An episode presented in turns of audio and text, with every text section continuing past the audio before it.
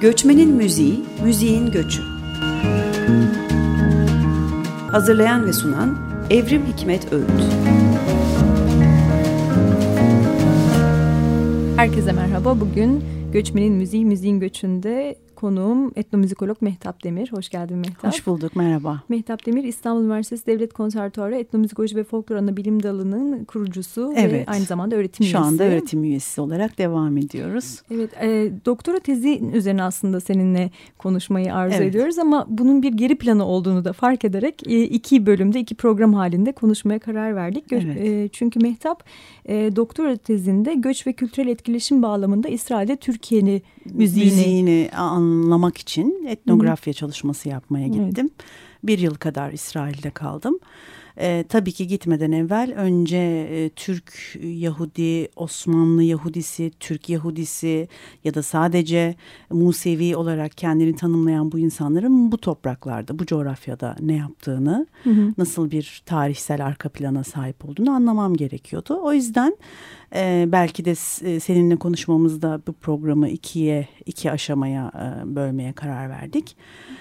E, 1492'de başlayan bizim için 1492'de Hı -hı. başlayan uzun bir süreç 15. yüzyıl itibariyle. Evet bugün bu kısmını konuşacağız. Yani yaşadığımız coğrafyada Yahudi müzik kültürünün nasıl geliştiğini, nasıl ortaya çıktığını ve e, geliştiğini konuşacağız. Önümüzdeki programda da İsrail'de Türkiye'lilerin e, müzik neler üretiminin yaptığını. neler yaptıklarını e, konuşacağız Mehtap Demir'le. O zaman 1492 ile başlayalım istersen. Başlayalım. Şimdi e, yapılan literatür çalışmalarında İsrail'deki özellikle antropoloji alanında yapılan çalışmalar gösteriyor ki yani Anadolu topraklarında bizim bugün Anadolu olarak üzerinde yaşadığımız topraklarda e, zaten Yahudilerin varlığı var olduğu e, yapılan arkeolojik çalışmalarda bunu gösteriyor. Fakat e, büyük bir göç nüfusunun 1492'de yani İspanya'da e, buraya göçmeleriyle başladığını yani tarihsel kurgunun e, güçlendiğini söyleyebileceğimiz dönem 15. yüzyıl. E, İspanya'dan kovuluyorlar. Sadece e, Yahudiler değil, e, Romanlar, Çingeneler de kovuluyor. E, ve onlar e, birçok farklı yoldan e, dünya üzerine yayılmaya başlıyorlar. E, Fas, Morakko gibi bölgelerde de ta e, Akdeniz'in altından e, Mısır'a doğru giden yol güzergahında da Hı. ve Selanik'i takip eden, Yunanistan'ı takip eden, Avrupa yolu üzerinden Yunanistan'ı takip eden ve Türkiye'ye ulaşan yol güzergahından birçok farklı yoldan büyük göçler oluyor. Osmanlı'ya geliyorlar. Hı hı. Ee, Osmanlı topraklarında o dönem e, ha, hali hazırda e, çok yerleşik olarak yaşayan e, şehir kültürü içerisinde ya da köy kültürü içerisinde olan e, Yahudilerin e, kimlik olarak varlığı çok belirgin değil. Hı hı.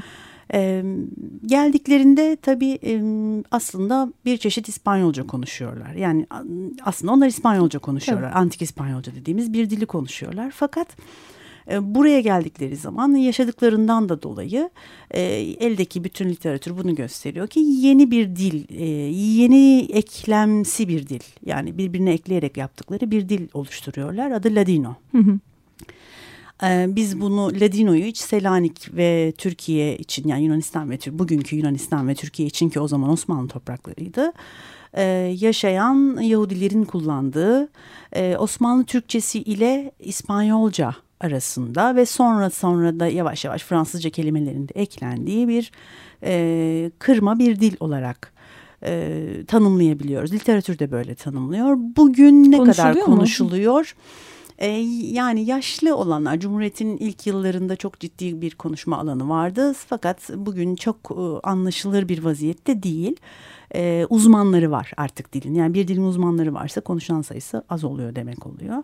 E, yine de Ladino yazan e, yani Shalom dergisinin içerisinde gazetesinin içerisinde bir parça Ladino ile ilgili Ladino kalemle yazılan yazılar var. Yine İsrail'de bir akademik akademik yapının ve sivil toplum örgütlerinin özellikle sefaret kültürü konumunu koruması e, koruma açısından yaptıkları yayınlar var e, ve şeyler var seminerler sempozyumlar var bu, bu demektir ki bir konservatif yani korumaya Hı -hı. yönelik bir çalışma var pek e, yaşamın içerisinde e, konuşulmuyor. Özellikle Cumhuriyet'le birlikte tabii bir dil devrimi var.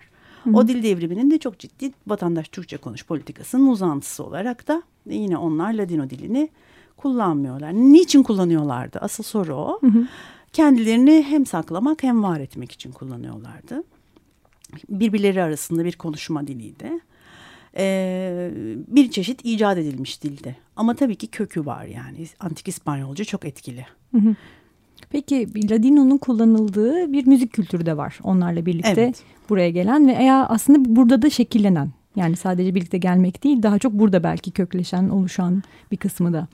Evet şöyle yapalım üç e, tür var yani Hı. şu anda üç tür olarak yani tabii ki bu tür dediğim şeyin yani başı sonu yapısı çok böyle net böyle başlar böyle biter falan diyebileceğimiz bir tanımı yok fakat neticede üç, üç çeşit üretim var diyelim. Hı hı.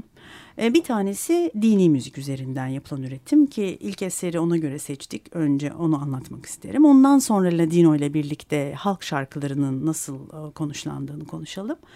En sonunda da yine Cumhuriyet dönemiyle birlikte başka bir e, müzik türünün nasıl oluştuğunu konuşalım. E, o zaman dini müzik. Dini müzik üzerinden gidelim. Maftirim. E, Edirne'de 18. yüzyıl yani 15. yüzyılda gelmiş olmalarına rağmen e, tabii ki dinsel ayrım çok fazla toplumda birbirleriyle sosyal anlamda çok yaşıyorlar. E, özellikle ekonomi ve ticaret alanında çok ciddi bir karma var. Fakat tabii din meselesi her zaman olduğu gibi daha geriden gelen ve daha hatları belirgin olan bir alan. E, fakat e, Edirne'de bir yapı oluşuyor. Bir e, ben müziksel bir yapı olarak tanımlıyorum ama aslında derin bir felsefesi var. İşin ucu tasavvufa ve e, kabalaya ortaklığına kadar giden bir felsefesi var e, dini eserlerin paralötürjik diye, diyebiliriz buna. Yani yarı yarı dini diyebiliriz.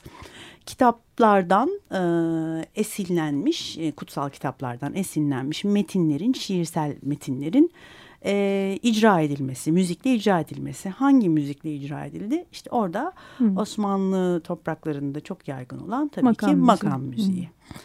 E, aslında e, benim incelemelerim iki etkinin de olduğunu söylüyor. Yani hem makam müziği çok ciddi evet yani yapı makam müziği çünkü peşrevler var, saz semaileri var. E, bunun içerisinde şarkı formu var, e, semailer var.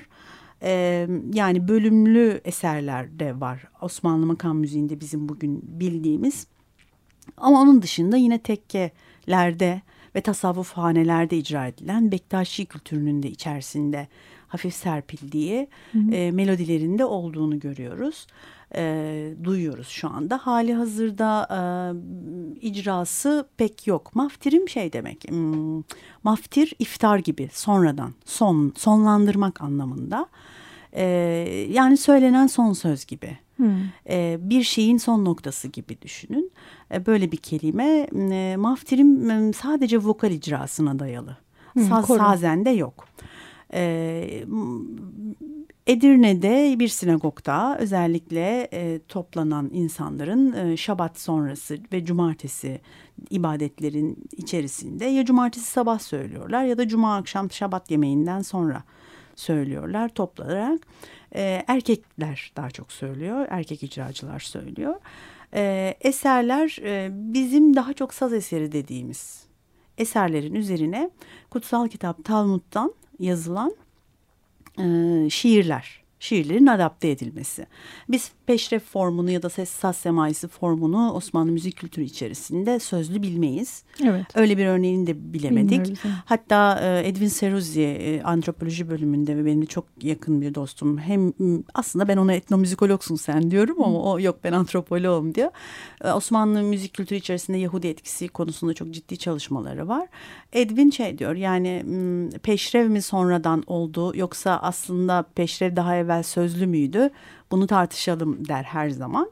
Bu konuyla ilgili çalışmaları da var ama bizim şu anda hala hazırda bildiğimiz peşref sözsüz eserdir. Fakat Hı. maftirimde aynı form yani peşref formu sözlü olarak söylenir. Bu İstanbul'da peki bugün icra ediliyor mu sinagoglarda? Sinagoglarda yani bunu o zaman da icra edenler şimdi de e, birazcık var ama icra edenler hiçbir zaman tam profesyonel müzisyen değillerdi. Müzikçi değillerdi onlar. Onlar e, dinlerine inanan, ibadet etmeyi seven ve bunun e, meş kültürüyle Çünkü Osmanlı'nın onlara verdiği bir adap aslında meşk kültürü. Hı hı. Meşk kültürüyle icra etmeyi seven insanlardı ve buradan bir enerji yaratıyorlardı. Bugün de hala işte dişçi olabilir, mühendis olabilir, iş adamı olabilir. Genelde erkeklerin e, cemaatin üyeleri. Cemaatin üyeleri evet e, şey yapıyorlar, söylüyorlar. Fakat tabii ki çok yaygın değil, unutulmaya başlanmış. E, yine bu yani koruma kültürü içerisinde yeniden bir canlandırma oldu. E, bu kayıtlar, nota e, kayıtlar yoktu da e, hafızada kalanlar diyelim notalanmaya başladı. Yeniden e, bugünün ha, e, şeyleri e, sinagogdaki du, dua eden insanlar, e, musiki şinas insanlar, müzik şinas insanları hı hı. onu kayıtlar halinde topladılar. İsrail Najara diye bir e, tasavvuf şiiri yani paralitürjik şiir yazan Talmud'dan beslenen e, bir e, envanterin uzantısı aslında bu. Hı hı.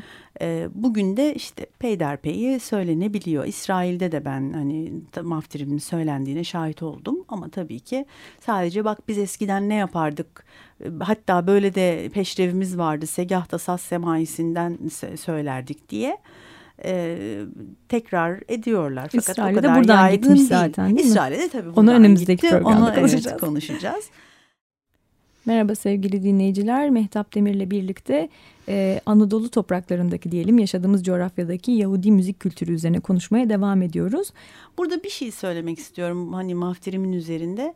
E, benim doktora tezimde de bu yazıyor. E, bir görüşmeci, e, dişçi o da Şişli'de yaşıyor. Dedi ki şunu kabul etmeniz gerekiyor ki maftirim e, ister Osmanlı Türk deyin ister Türkiye deyin ama bu toprakların ürünü. Yani Yahudilerin burada yeşerttiği ve bu coğrafyanın da kabul ettiği bir şey ve biz bunu görmezden gelmemeliyiz. Bence Mafter'in e, literatür içerisinde de hak ettiği kadar araştırılmış değil. Hı hı. E, yine e, bizim çok kültürlülük yapımızın içerisinde de çok paye verilmiş bir alan değil. Değil evet. Bunu da bir söylemek istedim. e, peki buradan bu Ladino halk şarkılarına da biraz önce Hı. Ladino'dan bahsettik. Dilden e, Ladino söylenen halk şarkıları var bir de. Evet yani Mafterim'de tamamen e, İbranice e, kutsal kitabın dili kullanılıyordu. Hı hı. Çünkü şiirler oradan e, yazılıyordu, paralitürjik şiirler. Ama e, günlük yaşamda insanlar Osmanlı Türkçesiyle işte İsp antik İspanyolca dedikleri hem oradan getirdikleri hem de buradan ekledikleri bir çeşit karma bir dil oluşturmuşlardı. Adı Ladino'ydu. Ladino bugün çok az kullanılıyor söylemiştik bunu. E, bunlar halk şarkıları. Melodik yapıları tamamen melez. Ee, yani Anadolu müzik kültüründen yani bizim şu anda Anadolu müzik kültürü derken simgelediğimiz, referans verdiğimiz o halk müziği kültüründen çok etkilendiğini söyleyemem. Fakat İstanbul, İzmir, Selanik, biraz biraz Atina diyebiliriz, ee, Bursa e, gibi e, şehir müziği kültüründen e, melodik olarak etkilenmiş hem söz anlamında Ladino ve Türkçenin karmaşık kullanılması yani bizim bildiğimiz Türkçede de ki kelimeler de çok kullanılıyor. Hmm. E, Ladino zaten e, kendi dilinde çok kullanıyor. Melodik olarak böyle bir karmadan oluşuyor. Ama tabii ki İspanyol köke, köklerinin de etkisi var. E, adaptasyon var. E, İspanyol bir basit bir çocuk e, ninnisi halk şarkısının melodisi de burada yeniden üretilmiş. Hı hı. E, Hangi enstrümanlar kullanılıyor genellikle? Şimdi işte orada biraz e, tamamen bu toprakların etkisi var. Yani e, kanunla, kemençeyle, klasik kemençeyle, bugün hı hı. İstanbul kemençesi dedikleri kemençeyle, e, utla e, çalınan, çalındığını görüyoruz. Ya bugünkü icraları da onu gösteriyor. Tabii ki temel saz aslında gitar, çalgı aslında gitar. Hı. Çünkü İspanyol müzik kültürünün en önemli çalgılarından bir tanesi gitar. Ee, yani o armonizasyonu e, şarkıların içerisinde duyabiliyoruz. Ama tabii ki halk icrasında böyle bir e, armoni kültürünü aramak çok doğru değil. Onlar e, günlük yaşamın içerisinde eğlenmek için, çocuklarına ninni mahiyetinde işte bir mesaj niteliğinde e, bir ağıt gibi düşünebileceğimiz formlarda Ladino şarkılar çaldılar, söylediler. E, benim dinlediğim Ladino şarkıların çoğu eğlenceli.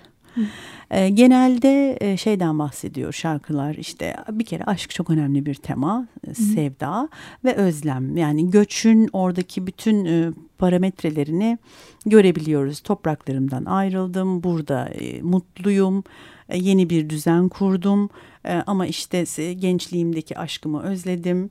E, ya da işte m, burada birine aşık oldum ama bizim kavuşmamız çok mümkün değil e, gibi e, bir acıklı nitelik yani böyle biraz duygusal, hüzünlü daha doğrusu daha doğru bir kelime. Hüzünlü nitelikte şarkılar olsa da genelde eğlenceye yönelik şarkılar Peki var. kayıtlar nerede yapılmış? E, Ladino şarkıları tipik halk şarkıları gibi düşünün. Yani herkes bireysel kayıtlar yaptı. Özellikle e, Los Paşaros grubu e, çok ciddi Evet. çalışmalar. Cumhuriyet döneminin tabii yeni bunlar. Toparladı, toparlayıp bu şarkıları yaptılar. Yani eski plaklarda Ladino'yu Rosa Eskenazi birkaç plakta söyledi. Marika Papagaki birkaç plakta söyledi.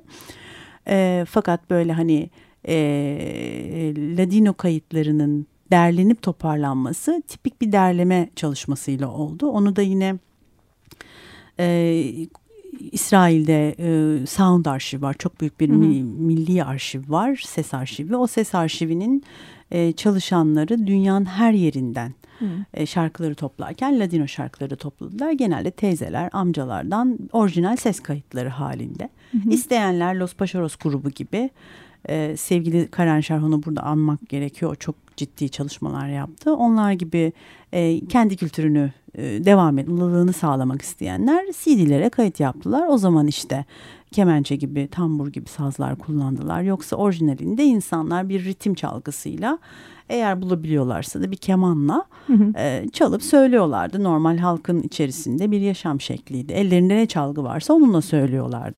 Peki Mehtap bu müziğin daha yakın dönem, daha son dönem uzantıları neler Türkiye'de? Biz Dario Moreno ile birlikte bunu hissettik. Yani Cumhuriyet'in ilk yılları e, ta 70'lere 80'lere kadar 70'lere kadar süren bir popüler hafif batı müzik, hafif batı müziği formunun içerisinde biz e, kantikaların, e, Ladino şarkıların etkisini hissettik. Onlar e, bizim Türkçe sözlü hafif batı müziği dediğimiz müziğin içerisine de melodik olarak adapte edildiler. Yani yeni sözler yazılarak kullanıldılar. Bunun en önemli örneklerinden bir tanesi de Dario Moreno'dur. O zaman e, önümüzdeki hafta bu konuyu İsrail üzerinden tekrar konuşmak üzere e, burada küçük bir virgül koyalım. Tamam. E, ve önümüzdeki hafta tekrar e, Mehtap Demir'le sohbetimiz devam edecek. Hoşçakalın.